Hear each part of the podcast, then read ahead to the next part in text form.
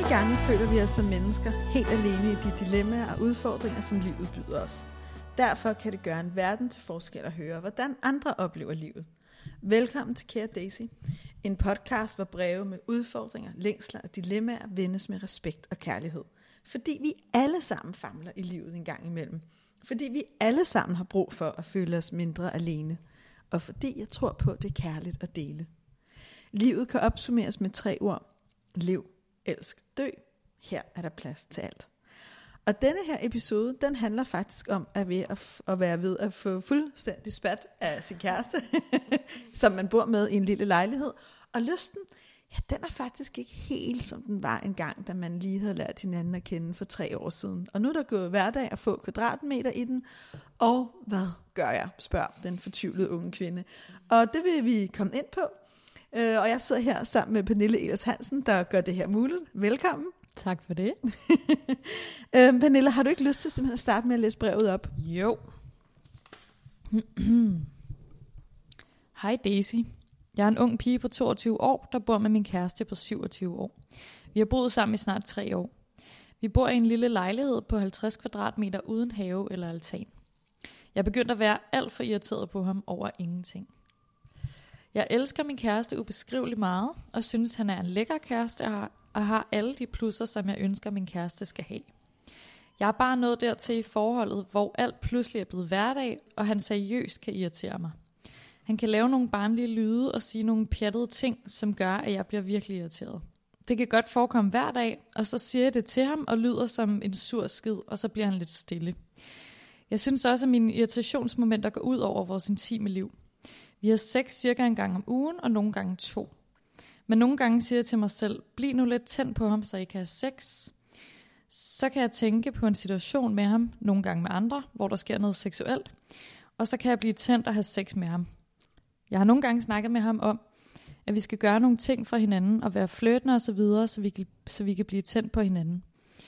Han lytter altid til mig og alle mine tusind tanker, men nogle gange føler jeg ikke, at der sker en skid. Jeg elsker ham så meget. Jeg ved, det er ham, jeg skal flytte i hus med om lidt og have børn med, som vi ofte snakker om, da vi snart er færdiguddannede skolelærer.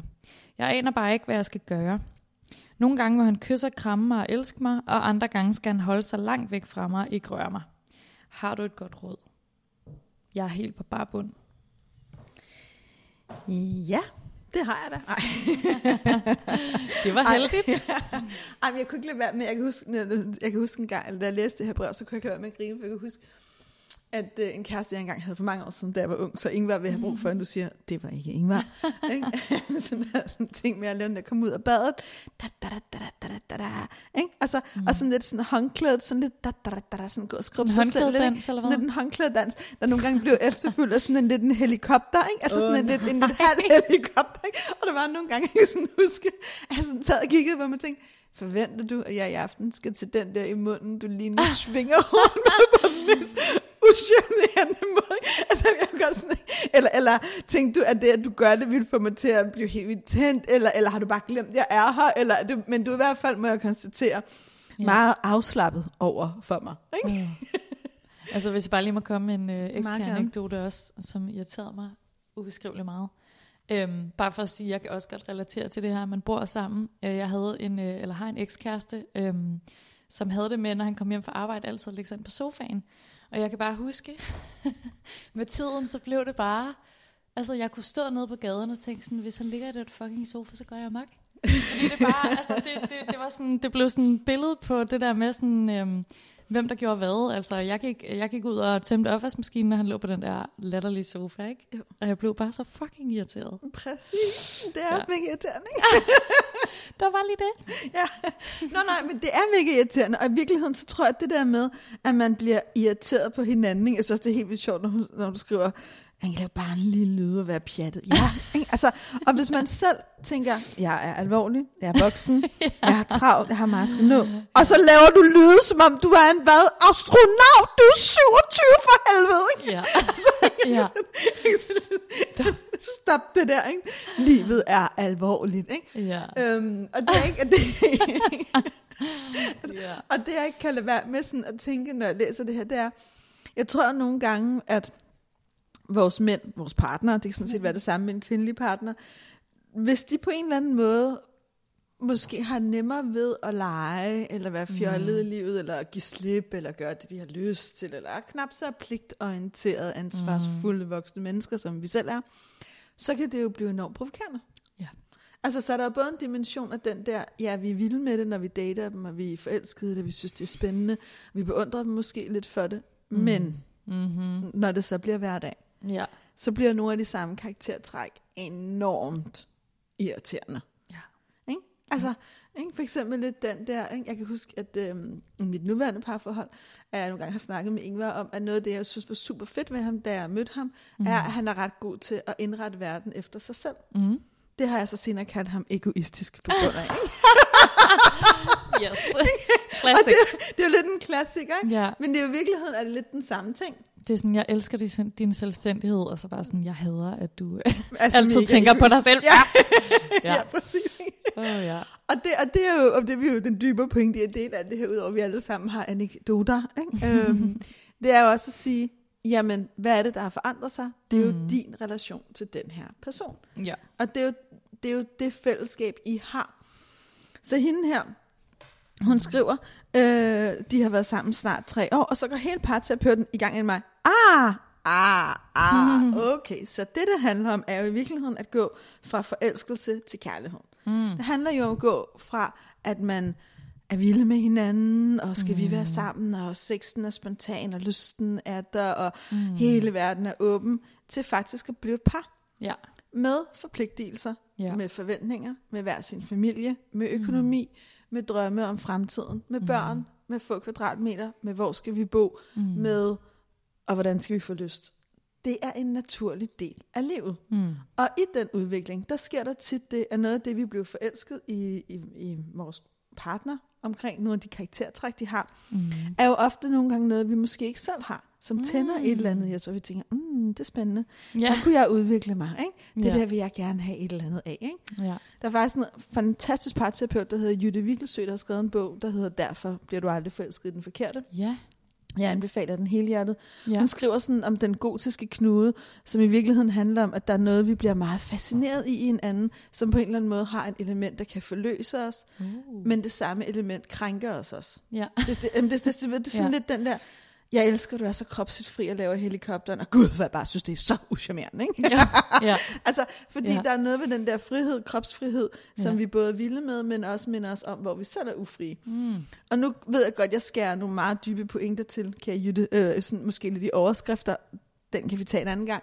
Men når jeg gør det, så er det fordi, jeg gerne vil have, at du forstår nogle ret fundamentale ting, Mm. der der lytter med, at ja, der er masser af nuancer i det her, der er masser af dybde psykologi i det, men der er ligesom også en værdi i at forstå, når man sidder midt i det her, det her er normalt. Mm. Jeg tror selv, dengang jeg var en ung kvinde, der sagtens kan relatere til, nogle gange må han kysse mig og kramme mig, og jeg har vildt meget lyst, og andre gange skal han bare holde sig langt væk. Ja. der tror jeg noget af det, der havde været hjælpsomt for mig, det var for at vide, det er normalt. Mm. Det er okay. Mm. Det betyder ikke, at du er forkert. Det betyder ikke, at han er forkert. Mm. Det betyder ikke, at jeres forhold er forkert. Mm. Det betyder ikke, at jeres kærlighed ikke er episk. Mm. Det betyder bare, at I er helt normale. Ja. Og I er det der sted i livet, hvor det er, man skal til at være sammen Ja. på nogle andre præmisser, og det kræver ja. nogle andre ting. Og så lidt i forbindelse med det, så havde jeg sådan, øh, fundet noget, nogle tal frem, for det synes jeg nogle gange er lidt sjovt. Mm.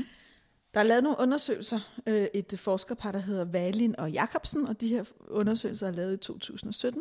De har fundet ud af, øh, og det synes jeg er ret skægt, de undersøgte lyst i længerevarende parforhold, at en del undersøgelser viser, at mænd har ret let ved, og i hvert fald lettere end kvinder, ved at bevare lysten til deres partner i det lange parforhold. Mm. Deres lyst er sådan langt hen ad vejen i virkeligheden uændret. Ikke?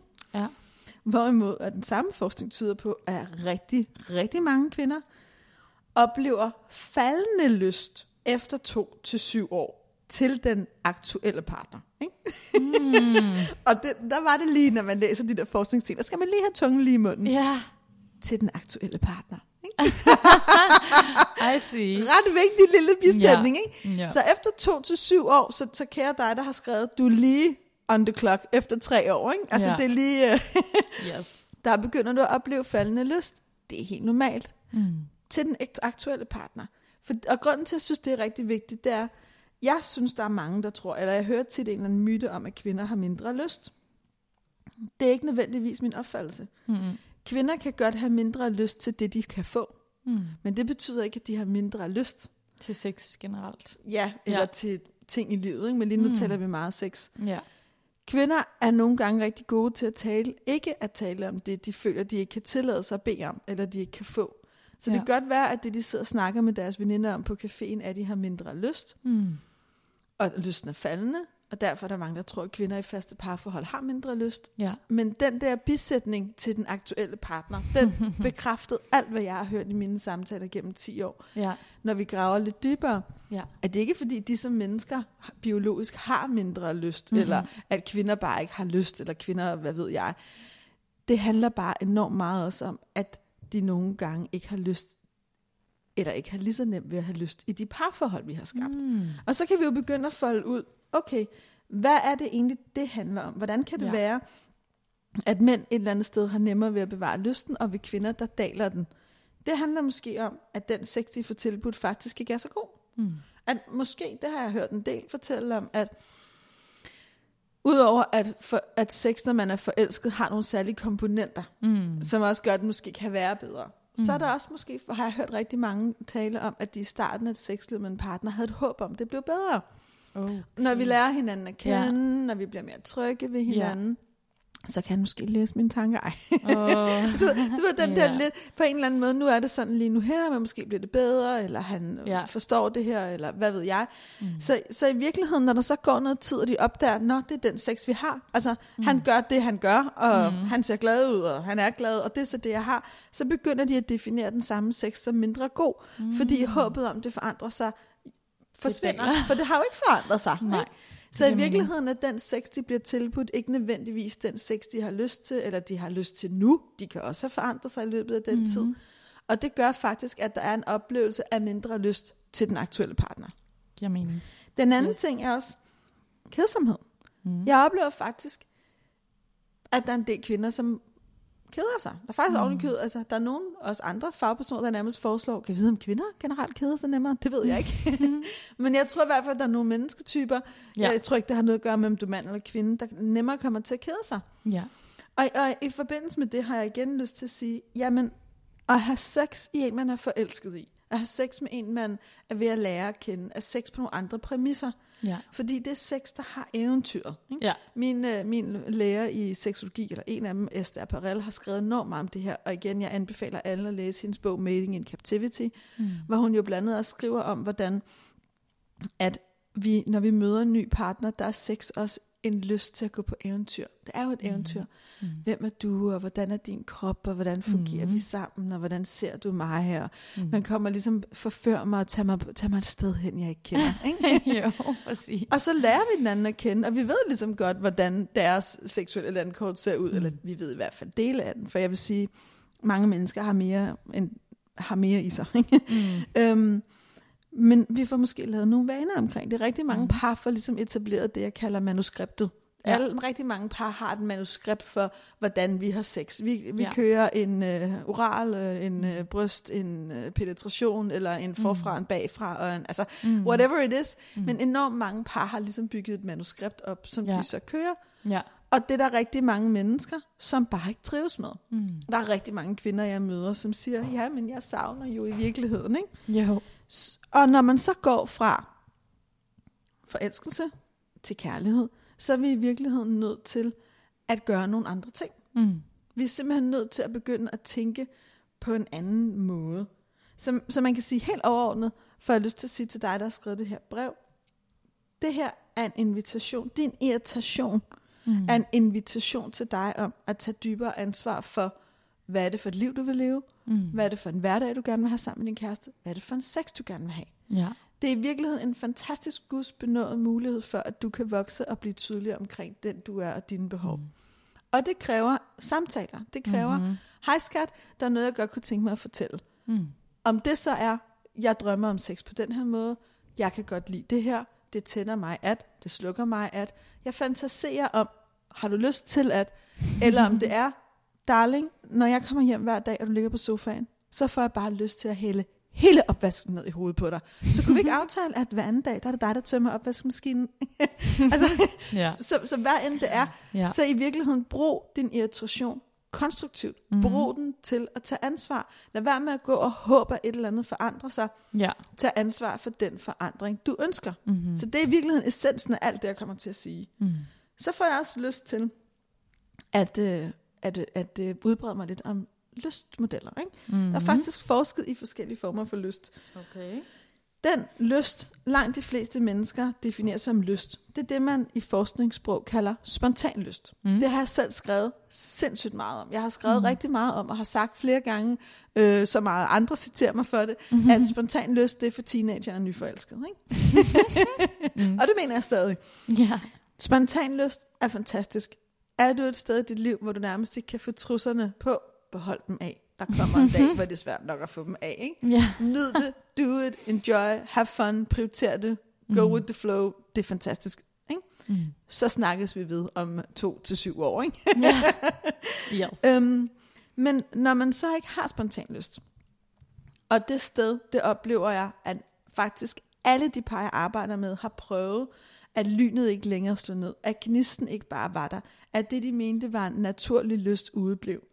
Det er der så nogen, der opfatter som, nå okay, så er vi nok færdige med det. Eller mm. de bliver så kede af det, at de ikke ved, hvad de skal gøre, og så mm. mister de kontakten, mm. og det bliver svært at tale om, og det bliver pinligt, og det gør ondt, og man undgår intimiteten, når man mm. får børnene ind i sengen, fordi så behøver vi heller ikke forholde mm. os til det. Mm. Det er ikke det, jeg anbefaler. Mm, mm, mm. Jeg anbefaler i stedet for, at du begynder at interessere dig rigtig meget for det, der med et pænt ord hedder receptiv lyst. Ja. Receptiv lyst, det er, at man er modtagelig. Det er i virkeligheden, at du er åben over for at kunne få lyst. At du faktisk tænker, en lyst, det er ikke det, der jeg mærker lige nu, men jeg er da åben over for det. Ikke? Det er sådan lidt kunne da ligesom, godt være meget altså, det kunne da, ikke? Jeg kan huske, da jeg var ung, der var en sommer i Frankrig på sprogskole, Mm. og der mødte jeg en fantastisk smuk kvinde, der udover at hun lærte mig, hvordan at, at alle kvinder i deres øh, klædeskab skal have minimum en sort penselskørt, gerne også en lys til foråret og en tilhørende jakke. Øhm, Jeg har penselskørtet og silkeblusen. Mm. Så lærte hun mig også, men det gik først op for mig i 30'erne, hvad det egentlig var, hun prøvede at lære mig. Men hun lærte mig, at nogle gange kommer appetitten, mens man spiser. Så nogle ah. gange skal man sætte sig til bordet og begynde på maden, mm. for at opleve den fulde appetit. Og så kiggede jeg på alt det der vidunderlige mad, hun lavede, og tænkte, nå, jeg er ellers sulten med det samme. Ikke? Ja. Men som jeg blev ældre, tænkte jeg, ah, mm. madame, det I var det, du see, prøvede I at sige see. til mig. Det var livsvisdom, ikke? Ja. Så receptiv lyst er i virkeligheden at gå til bordet Mm. Og, få, og mærke, kommer sulten. Måske mm. hvis jeg kysser lidt for mm, lidt mere lyst, eller mm. hvis jeg nipper lidt til forretten, så pludselig får jeg, får jeg lyst til en hovedret. Ikke? Mm. så receptiv lyst handler om at planlægge sex. Det har jeg også skrevet en del om. Mm. Øhm, det handler om at skabe gode rammer. Mm. Det handler om at sige, lige nu er jeg helt vildt oppe i mit hoved, Mm. og, og jeg er mega træt, og det jeg tænker på, det er vasketøjet og konflikten øh, med min søster, eller hvad der nu foregår i ens liv. Men jeg er okay med at lige lægge det til side, tage et bad, og så møde dig i soveværelset. Og hvis du er super dejligt, hvis du har lyst til at røre min nakke, som er øm, og derefter mine bryster med olie. Og så kan det være, det er det. Mm. Men jeg vil gerne gøre mig selv modtagelig for at se, hvad sker der, Mm. hvis jeg tillader mig selv at komme lidt ned i kroppen, gerne med din hjælp. Er der så noget andet, der kommer? Ja. Eller var den stund, hvor du måske med ser min nakke og mine bryster, den intimitet, der var dejlig i dag? Mm. Så om du inviterer din kære- kæreste til at møde dig i sengen med manden, olie og brystmassage, eller inviterer ham eller hende med i bad, mm. eller øh, kilder hinanden, eller danser fjollet i stuen, det bestemmer du selv. Mm. Der er ikke én model. Det du skal forstå er, at du kan tage ansvar for din lyst ved at være modtagelig for den og skabe mm. nogle gode rammer. Mm. Og så er det en rigtig god idé at bruge nogle af de rammer, du kender. Var I for eksempel sådan en par, der nød at løbe en tur sammen og ofte blev rigtig tændte, når I kom hjem efter den tur, så er det fordi, I er nogle af de mennesker, som mange er, hvor det at bruge kroppen i virkeligheden åbner for en modtagelighed. Mm. Så gør det. Hvis det giver dig en følelse af at kunne mærke dig selv og din kæreste at danse fjollet og grine, så gør det. Mm. Hvad end der virker, men vær åben. Og lidt i forlængelse med det vil jeg gerne nævne den sidste lystmodel, som er det, man kalder proceptiv lyst, som i virkeligheden er det, jeg også taler om, at du gør noget aktivt for, at- for lyst. At du tager ansvar for at skabe din lyst. Mm. Og rigtig mange mennesker har mere lyst, når de kommer ned i kroppen. Mm-hmm. Så alt det her er i virkeligheden noget, som du kan begynde at arbejde med og få ind i dit forhold. Det er det, der vil gøre, at du måske får noget mere sex. For når du skriver her i dit brev, nogle gange siger jeg til mig selv, bliv lidt tæt på ham, så I kan have sex. Ja, det er ret svært. Mm-hmm. Men, men det kan du i virkeligheden konkretisere ved at lære dig selv bedre at kende. Mm-hmm. Jeg anbefaler også, at man stiller sig selv to spørgsmål. Og man kan også stille dem til sin kæreste. Det kan være en rigtig, rigtig god snak en aften over et enkelt glas vin eller to. Spørgsmålet er, hvad tænder dig, og hvad slukker dig?